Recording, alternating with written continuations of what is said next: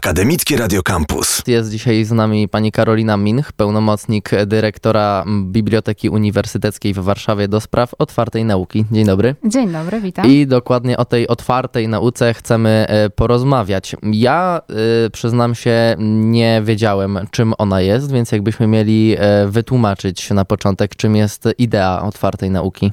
E, właśnie dlatego dzisiaj tutaj jestem, żeby szerzyć e, wśród naszej społeczności akademickiej, co to jest otwarta nauka i żeby docierała do większej ilości odbiorców. E, otwarta nauka to sposób uprawiania badań i komunikowania wyników w oparciu o kilka zasad, między innymi o otwartość, przejrzystość, replikowalność ich i weryfikowalność, czyli otwartość. Z tym przede wszystkim się kojarzy właśnie otwarta nauka, otwarty dostęp do artykułów, do wyników badań, do publikacji, e, przejrzystość, czyli rzetelność tych badań, możliwość ich późniejszej weryfikacji i replikowalność, czyli e, możliwość sprawdzenia, czy nie ma jakichś błędów popełnionych przy prowadzeniu takich badań. Mhm. Jakie są plusy tego, że y, otwieramy te badania, że każdy ma do nich dostęp? Jakie są plusy? Pierwsze, co przychodzi mi do głowy, to to, że jest szybszy przepływ informacji mhm. y, i dużo obniża koszty takich badań. Jeśli są nawet wyniki dostępne online, każdy może do nich y, zajrzeć, y, przejrzeć, zobaczyć, sprawdzić, czy nie chce ich użyć na przykład przy rozwiązaniu swojego problemu, y, przy użyciu jakiejś innej metodologii i w związku z tym y, obniża to koszt i próg wejścia, żeby takie badanie przeprowadzić. Tak? I też plusem jest to, że tak naprawdę jak spojrzymy na cały system edukacji, to Płacimy za to my, czyli obywatele. Płacimy podatki, za to są finansowane pensje naszych naukowców i mhm. nauczycieli. W związku z tym jeśli powszechna ma być edukacja i dostęp do materiałów, które są wytwarzane, to, to jest dla mnie właśnie najlepszy sposób. Tak? Mhm, czyli wychodzi na to, że dzisiaj my płacimy podatki, potem e, z, tych, z części tych podatków e, są różne granty dla naukowców, a na koniec musimy jeszcze raz zapłacić, żeby, żeby e, mieć dostęp do artykułów naukowych. Dokładnie. Mm, a czemu to nie jest oczywiste? Czy naukowcom z założenia nie powinno, nie powinno zależeć na tym, tym, żeby dochodzić do, do jak największej liczby ludzi, żeby właśnie tą nową wiedzę jak najszerzej y, dostarczać ludziom i właśnie za darmo? Właśnie na szczęście im zależy i to tak naprawdę oddolnie ten ruch się zaczął y, budować mhm. z, z latami i też dzięki postępom technologicznym y, to właśnie naukowcy sprzeciwiali się obecnemu systemowi finansowania wiedzy i badań i próbowali tak dotychczas y, obecny system zmieniać i tworzyć infrastrukturę po to, żeby było możliwe y, prowadzenie nauki w sposób jak najbardziej otwarty. Mhm. I to jest walka z kim? Z, nie wiem, politykami, którzy tworzą prawo takie, że trzeba płacić potem za te mm, badania, czy z e, właścicielami e, i redaktorami naczelnymi e, różnych periodyków E, naukowych, z kim to jest, e, e, z kim walczymy o to, żeby był darmowy dostęp? No to jest taka cała zmiana kulturowa. Wszyscy jesteśmy przyzwyczajeni do tego, w jaki do tej pory było prowadzone badania i nauka i edukacja. Mhm. Więc tak naprawdę to dobrze by było, żeby działało na kilku poziomach, czyli tak jak wspomnieni byli politycy, żeby powstawały takie polityki, które uwzględniają rozwiązania otwartościowe, żeby były przekazywane finanse na to, żeby budować na przykład narodową infrastrukturę otwartego dostępu i y, repozytoria y, i edukac- y, kursy edukacyjne, tak, które są dla wszystkich dostępne, czy na przykład podręczniki, żeby były również dostępne dla, dla wszystkich, żeby nie trzeba było ich kupować, żeby były po prostu do ściągnięcia, nawet w dobie właśnie zdalnej edukacji, mhm, tak? Mhm. E, no to to jest jeden, politycy. E, trzeba ich przekonywać, że to jest właśnie ważne dla nas i jest mniej kosztowne. Wystarczy, że jedna instytucja dostanie pieniądze i stworzy jakiś kurs, a nie musi być to tworzone na wielu innych równocześnie i nie trzeba wtedy przekazywać e, dużo większej ilości pieniędzy na to. Tak naprawdę trzeba spojrzeć na to jak na cykl badawczy. Czyli zaczynamy od projektowania badania, które chcemy e, przeprowadzić, więc tutaj mamy infrastrukturę na uniwersytecie lub innych uczelniach, które zapewnia, które są kosztowne i na które trzeba zdobywać właśnie granty, czy żeby utrzymać. Później, jeśli przeprowadzimy takie badania, to jest właśnie ta weryfikacja. E, szybciej ta weryfikacja przechodzi, jeśli używamy narzędzi, które y, są dostępne online i łączą wielu badaczy z danej dyscypliny i mogą mhm. się wypowiedzieć na, na, temat na przykład, czy widzą jakiś błąd w naszej metodologii. E, dalej dochodzimy do publikacji naszych wyników i tutaj dochodzi do wydawców. Też był, wspominałeś o nich. E, no, wydawca musi zarobić na, na, na tym, co wyprodukuje, jakie, jakie artykuły są dostępne u niego na platformie. Więc znowu odchodzimy od starego modelu subskrypcji, bo mhm. dostęp jest wolny dla, dla czytelników i dla innych naukowców, dla obywateli. Jednym z projektów, który ma popularyzować tą otwartą naukę, jest e, Tydzień Otwartego Dostępu. On teraz e, trwa. Co to jest za wydarzenie? Tak, jest to tydzień już od kilkunastu lat, e, zapoczątkowany w sumie przez bibliotekarzy aby promować otwartą, e, otwarty dostęp do publikacji. W e, sobie poza anteną mówiliśmy o kryzysie e, na opłaty subskrypcyjne i dostęp do artykułów, który miał już też jakiś czas temu, miało jakiś czas temu miejsce. W związku z tym próbujemy sobie z tym problemem jakoś radzić i udostępniać artykuły i materiały naukowe w inny sposób. E, ten tydzień ma jakby być taką kampanią promującą wśród e, społeczności akademickiej, e, zrzeszać naukowców, bibliotekarzy, osoby tak jak studentów, żeby więcej dowiedziały się na, na temat różnych, różnych zakamarków tego tematu, bo jest tego naprawdę bardzo dużo. E, na przykład archiwizacja.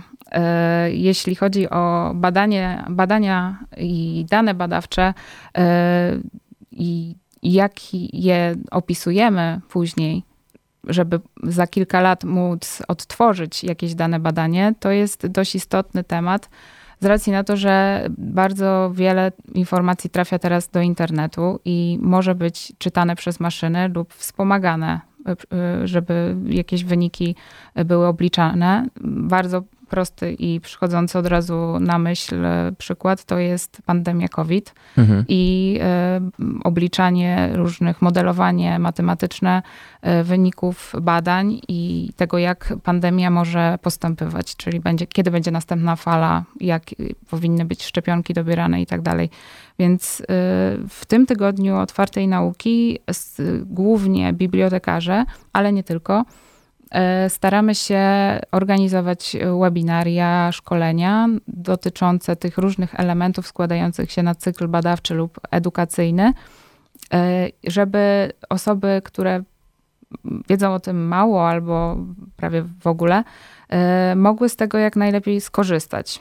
Jakie wydarzenia w tym roku były albo będą jeszcze organizowane w Warszawie?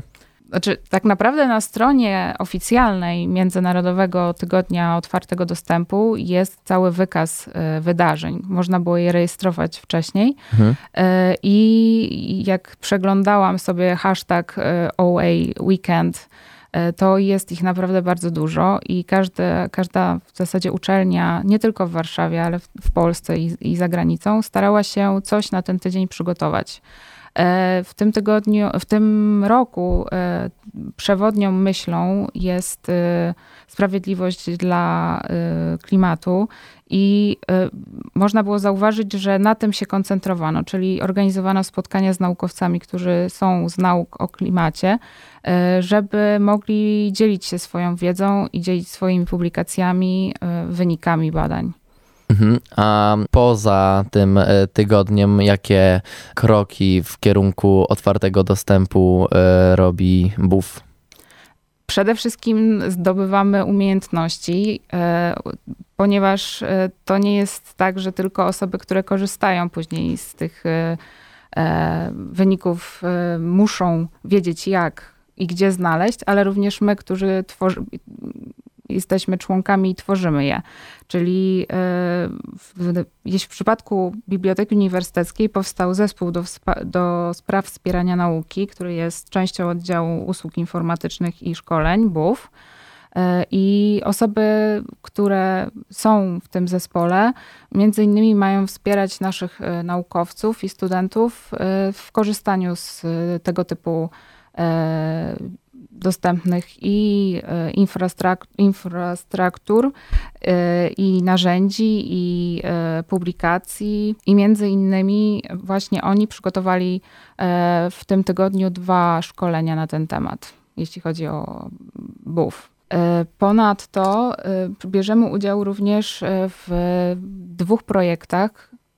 Jeden dotyczy współpracy w ramach sojuszu For You Plus – nasz e, podprojekt nazywa się Train for You Plus i nasze zadanie, które, którym liderujemy, dotyczy właśnie otwartej nauki i e, wspierania jej widoczności e, wśród naszej społeczności akademickiej. I właśnie dzisiaj tak naprawdę przyszłam po takim naszym jednym spotkaniu online i dyskutowaliśmy na nim, e, jakie przygotować warsztaty dla naszych studentów i naukowców, żeby jakie umiejętności powinni nabyć, żeby mogli się swobodnie w tej przestrzeni otwartej nauki poruszać.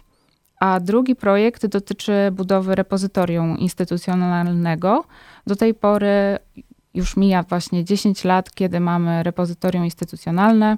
Są w nim deponowane prace dyplomowe, E, a w przyszłym roku chcielibyśmy otworzyć nowe repozytorium, które będą deponowane również inne wyniki i publikacje. Co na przykład w tym kierunku wspierania otwartej nauki robi Unia Europejska? Unia Europejska między innymi y, tworzy program Horizon Europe, Y, z którego można pozyskiwać pieniądze y, również na rozwijanie pewnych aspektów y, otwartej nauki oraz wymaga od grantobiorców pewnych zapisów i pewnych praktyk, żeby były zgodne właśnie z zasadami otwartej nauki. I na przykład w grantach, które się chce zdobyć z, z tego programu, trzeba y, napisać jako element dokumentacji y, Data Management Plan, czyli taki plan zarządzania danymi, które powstają podczas całego projektu. Przez pierwsze, y, po pierwszych sześciu miesiącach projektu musi taki dokument powstać, musi być opisane, jak takimi danymi będziemy zarządzać. E, gdzie będą archiwizowane, jaka jest infrastruktura, jak będą pliki nazywane i jak później będzie można z nich jeszcze skorzystać, dajmy na to, po latach czy przez inne osoby. To jest taki pierwszy, pierwszy, pierwsza myśl, która mi przychodzi teraz do głowy, jeśli chodzi o Unię Europejską.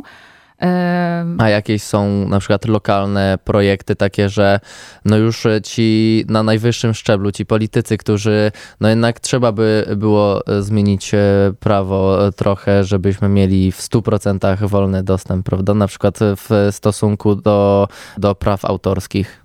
Jeszcze nie ma takich ruchów, e, natomiast widzieliśmy E, jak zadziałały zmiany, które wprowadzała Unia Europejska, jeśli chodzi w ogóle do, o dostęp do danych e, publicznych. Mhm. Tutaj przekładało się to na pracę samorządów i, i rządu naszego.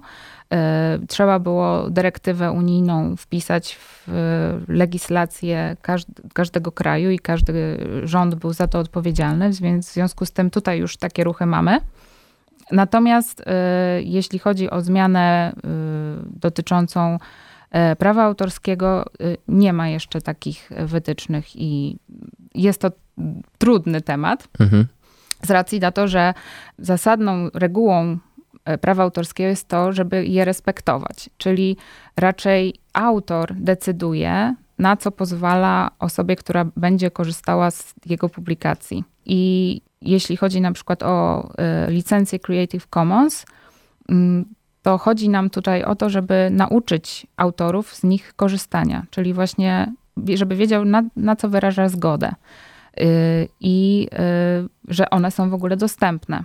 Że jeśli umieści coś w internecie i oznaczy je takimi licencjami, to student będzie mógł pobrać y, jego pracę i na przykład y, zrobić remix albo wykorzystać do prezentacji, albo właśnie podczas zajęć.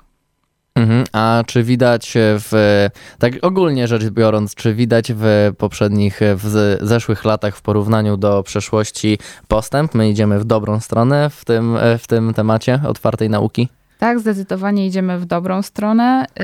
Y, coraz więcej dyscyplin i y, instytucji, organizacji w, przyłącza się do tego y, ruchu otwartej nauki, począwszy właśnie od tych wysokich poziomów, czyli właśnie Unia Europejska i rządy, po uniwersytety i jakieś na przykład agencje finansujące badania. Tak? już widzimy coraz więcej osób, które jest zaangażowane że mm, w produkowanie jakichś rozwiązań, e, palących kwestii, które, które wiążą się z otwieraniem nauki. Mhm, a e, jeszcze przechodząc do biblioteki uniwersyteckiej, czy w Buwie wszystko jest e, w tym open access? Wchodzę do biblioteki, czy wchodzę mm, w jakieś zbiory online i wszystko mam za darmo? Jako student to oczywiście do zbiorów masz dostęp i e, nie musisz za to płacić dodatkowo, tak? Ale mhm. je, nadal jeszcze wiodącym tym e, modelem jest ten model subskrypcyjny. My staramy się powoli odchodzić od tego modelu, jak to wygląda.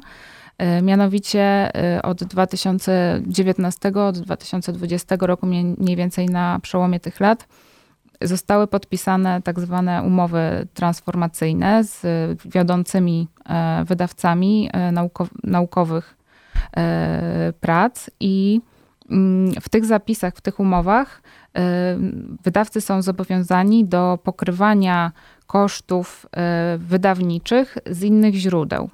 Głównie są to tak zwane APCs, czyli Article Processing Charges i one mogą być pokrywane przez instytucje albo właśnie z tych e, projektów, ale nie przez osoby lub biblioteki, które chcą mieć dostęp do tego. Mhm. Czyli no, e, już jest trochę próba zmiany tego modelu podstawowego Rozumiem, czyli e, w e, Buwie też pozytywnie patrzymy w przyszłość, jeżeli chodzi o, o otwartą naukę i otwieramy właśnie ją, tak? Robimy ten open access coraz bardziej. Karolina Minch, pełnomocnik dyrektora BUW do spraw otwartej nauki, była dzisiaj z nami. Dziękuję bardzo za tą rozmowę. Dziękuję również. Radio Campus. Same sztosy.